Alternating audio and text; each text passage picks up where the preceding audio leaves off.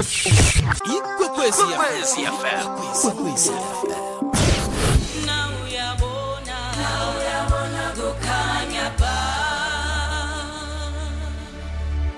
ke sokhuluma lapha-ke nomvikelo mphakathi omutsha ari eh, ongumma eh Ndebele. Siyazikhakhazisa ngaye ke ubusisiwe mkhwebane sinaye ngalesi sikhathi emtatweni. Eh ke sizwe ngaye ukuthi yena ungubani kuhle kuhle ke ufunde kangangani eh lapha ke nasele sicala eh, iprofile yakhe kuhle kuhle ngalesi sikhathi ke bese sesikhuluma ngaye ukuthi uzizwa njani ngalokhu ke personal yena eh okuvelileko okuhle kangaka nemandebeleni.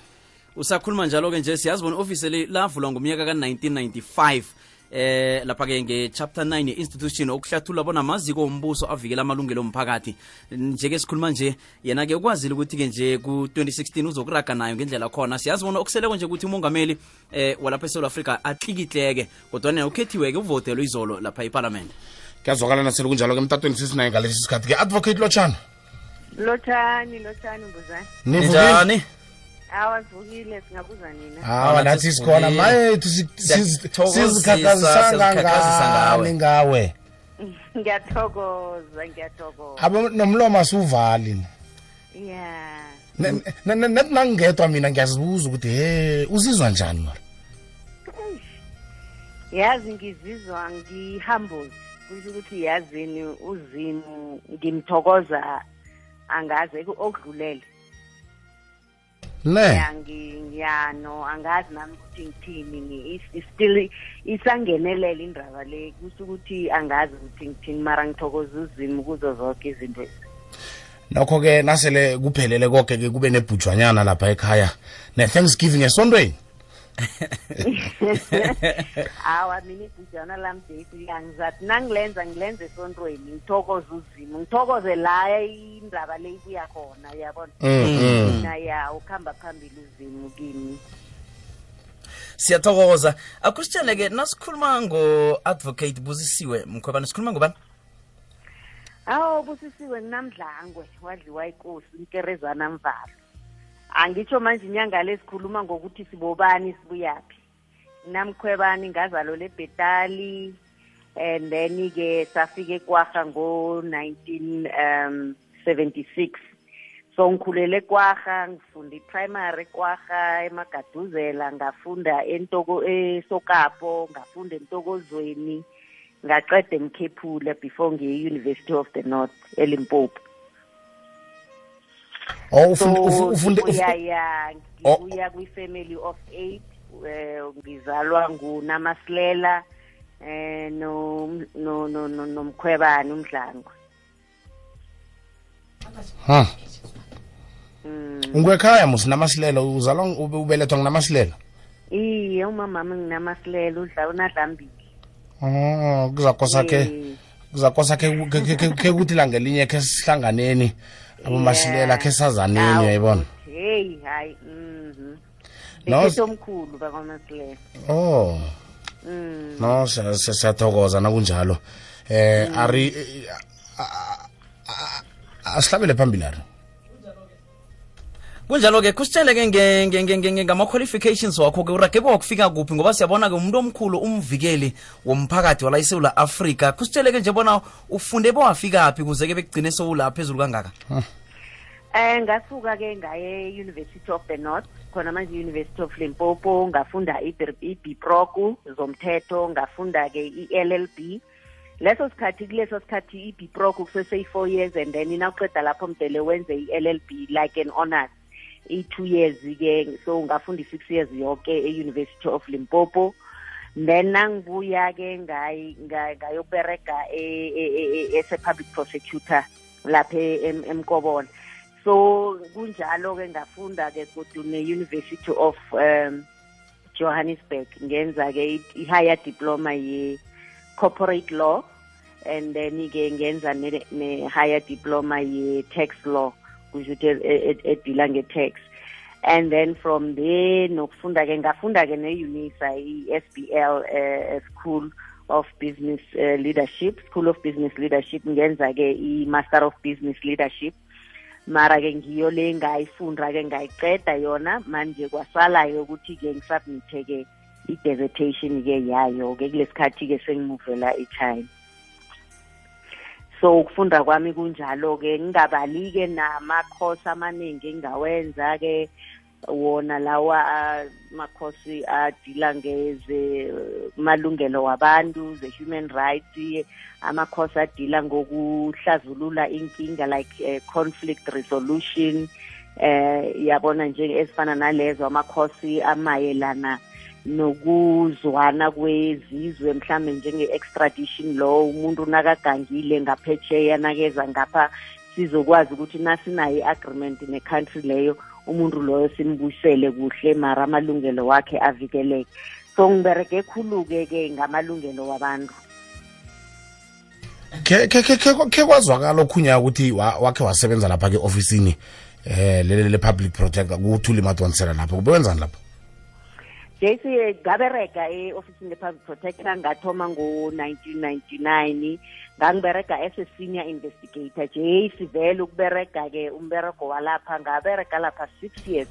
Bengibereka-ke as a senior investigator-ke ukufunisisa-ke into ezinjengaloku ukuthi umbuso njalo ama-investigation of email administration ungaphathi kuhle kwabantu mhlambe basebenzi bombuso. Ukuhwephiliza uku-abusa ipower mhlawumbe umuntu naphethe isikhundla aberegela umbuso or any state organ-ke athola ukuthi akaphathi abantu kuhle. Godu-ke nokuxazulula inkinga especially nakuwukuthi mhlambe kunabantu abangazwani njalo i-government eh nabantu abazwani of kunenkinga ekhona uthola ukuthi njengomvikeli womphakathi ungangena lapho kuwe ukuba i-mediator or conciliator ukuthi uxazulele into ezinjengalezo. So ngabereka lapha six years and nangiphuma lapho bengi eh bangi-appoint ukuthi ngi-acte ngiphathi ofisi lase-gauteng eli-based the constitution hill. So ke ngalithoma phasi office lelo ukuthola ioffice ukuthi li-renovatiwe sichache nababeregi ke bese siberegisana ne-Gauteng uh, provincial uh, uh, government ke ukumake sure ukuthi abantu bayeza ke kule office bazocomplain. So ngathi nangiphuma lapho ke ngakhani ke ngiyokujoin i-department of home affairs. Kuyazwakala-ke nasele kunjalo-ke ma ithi sidlule entolo ngemva kwentolo-ke bese sivulele nabalaleli. Eh khulukhulu-ke bekhethu namasewula afrika woke-ke njenganyana eh bafuna ukukuthokozisa ngalokho-ke okuvelile komva nje. Nathi siyazikhakhazisa ngalokho. Eh ngiyazibuza ukuthi ekhaya kunjani? Eh ababelethi bathini? Eh nakunje. Eh udle i-breakfast nombuzana no-arvuna vuka no-arvuna nombuzana kusivukile breakfast show. Sesivulela lapha kabalaleli ari-ke bangene bamthokozise. Okuningi ngaye nangabe mhlambe ke khona esingakakubuzi ukhona lapha ke ubranko nkambuli uzabakhambisana lapha ke no-advocate busisiwe mkhwebane ehlelweni imisebe yelanga ke ngolesine wokuthoma ka-oktoba ke. La uzokwazi khona ke kuhle kuhle ukuthi ungubani nasikhuluma lapha ngomvikelo womphakathi nakhona imisebenzi miphi ayoyicala khulu lapho ke ubranko uzabakhulumisana naye nafuna ukwazi okuningi ngalesi sikhathi 431 5456 431 5457 431 ne 5365 kwekwezi sikhona kunjani? Sikhuluma nomathonjeni mirathanda cha ngithaisa mboniso sikwebane ngumsebenzi wakhe omuhle. Sithi nakasiphathe kahle siqhubekele phambili. Ayekele kungabe nendaba nalabona mbona naye bengangafuni ukumvotela mina siyathokoza baba. Kwekwezi? sokucala enye iline ngalesi sikhathi ari. Kwekwezi hello? Hello? yebo? Hello? Yebo? Hey uvulela umhatsho lapha asiye kenye iline. Kwekwezi Eh, kwekwezi lo? Hayi matselano arvuna nonakhethu namdlangu wadlelwa ikosi wadlela kwasakazano namkerezani kalivalo Ukula- Umamdlo. ukulalela yeyi ngunakhethu umntu loyo nginginamkhwekwane umamdlo Nango. Ithemba lethu ngimthokozisa ngendlela esimanga nakhethu awu nakhethu ukhona awa ngikhona makhe mara ngithokoze kangangani uzima kubusise nabazimu bakwamdlangwe babe nawe ngaso sonke isikhathi Mm. kuleso situlo sitholileko nakhethu nakhethu. awazi ngikhabe kangangani Mm. baba yinakhethu benelanga elimnandi. Nani lapha estudio mbuzana nomacela ngiyathokoza nakhethu sithokoze khulu mama. Kokwezi kokwezi semoyini arvuna. Yebo. Akuthi nkosi christopher mtheni mposi ngedrayini. Siyavuma ya khe ngithokozisa ummalo ma kunjani? Sikhona njani baba? Ngiyamthokozisa njengendrebele lekhethu ubambe uqine. Sithokoze khulu awazi ukuthi sidabule njani. Hawu ngiyathokoza thokozani ngiyathokoza masokana kuthokoze thina. Vuka no-arvuna nombuzana kusivukile breakfast show. Ziveze mafrika vela uzikhakhazise ngesikhethu. Ikwekwezi fm ikhuthaza bona woke umuntu azikhakhazise ngesikhathi